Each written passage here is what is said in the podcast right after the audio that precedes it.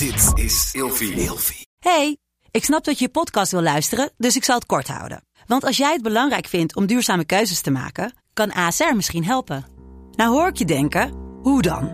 Nou, bijvoorbeeld bij het duurzaam herstellen van schade. Of de premies die we beleggen volgens ons duurzaam beleggingsbeleid. Dat bepaalt waar we wel en juist niet in investeren. Wil je meer weten over welke duurzame keuzes ASR maakt? Ga dan naar asr.nl slash duurzame keuzes. ASR doet het. Zo, dan kan je nu lekker naar je podcast luisteren. Vroeger. Meneer de Munnik, we bespreken deze week het onderwerp bijzondere ziekte. En in deze aflevering hebben we altijd een verhaal in de categorie Wist je dat? We gaan het hebben over de ijzeren long. Ja, de, ehm, de ijzeren long is een van de belangrijkste uitvindingen in de jaren 20. Toen ik me een beetje onderzoek ging doen, en jij, jij hebt ook dat filmpje gezien, hè?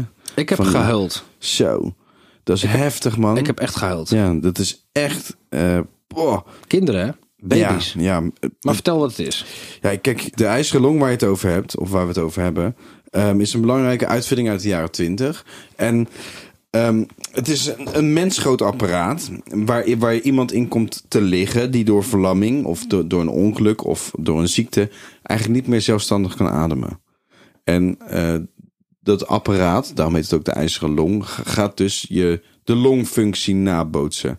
Door middel van luchtdruk ga- gaan ze proberen de, de ja, natuurlijke reflex van ademen bootsen ze na. En zo kunnen ze dus eh, ja, zich, zich richten op de behandeling van de ziekte of de verlamming of hetgeen wat ze moeten fixen. Maar je ligt dus met je hele lichaam in die ijzeren long, een soort, buis. Een soort- soort met alleen je hoofd aan de ja, buitenkant. Met je, alleen je hoofd aan de buitenkant. Ik heb Je kan- foto's je kan geen van op. baby's, Je van kan kindjes, van volwassen mensen.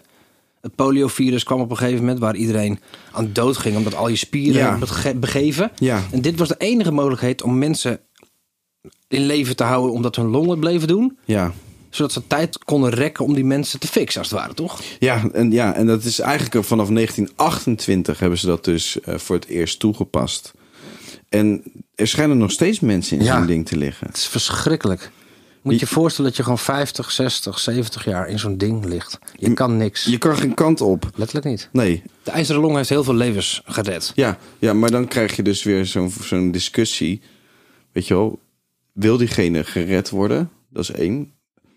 Ehm, stel dat diegene na 30 jaar in zo'n ijzeren long... Ik speculeer maar hoor. Maar dat hij het helemaal heeft gehad. Ja, wat dan? Ja, kun je geen euthanasie noemen natuurlijk. Nee, maar goed, nee. we zijn eh, met geschiedenis bezig. Ja, En geschiedenis, als je naar de geschiedenis kijkt, weet je, mensen kregen polio.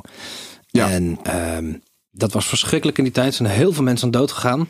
En de ijzeren long was de allerbeste uitvinding. Volgens mij was het Philips die gigantisch veel van deze dingen heeft geleverd in de tijd. Is heel groot geworden. Philips heeft een hoop goed gedaan Ja, in de ja, medische ja, sector. zeker. Absoluut. Niet normaal. Ehm, maar ja, die apparaten worden niet meer gemaakt. En er is iemand, die ligt er volgens mij nog in, of hij is onlangs overleden. En die had echt een mannetje die dat ding voor hem onderhield. Maar een soort monteur. ja, maar ik heb het gezien. Ehm sporthalzalen vol met baby's, met kindjes. Ah, Alleen maar hoofdjes. ja, het is, Het is eh, hartverscheurend. de long. Tot morgen. Vroeger.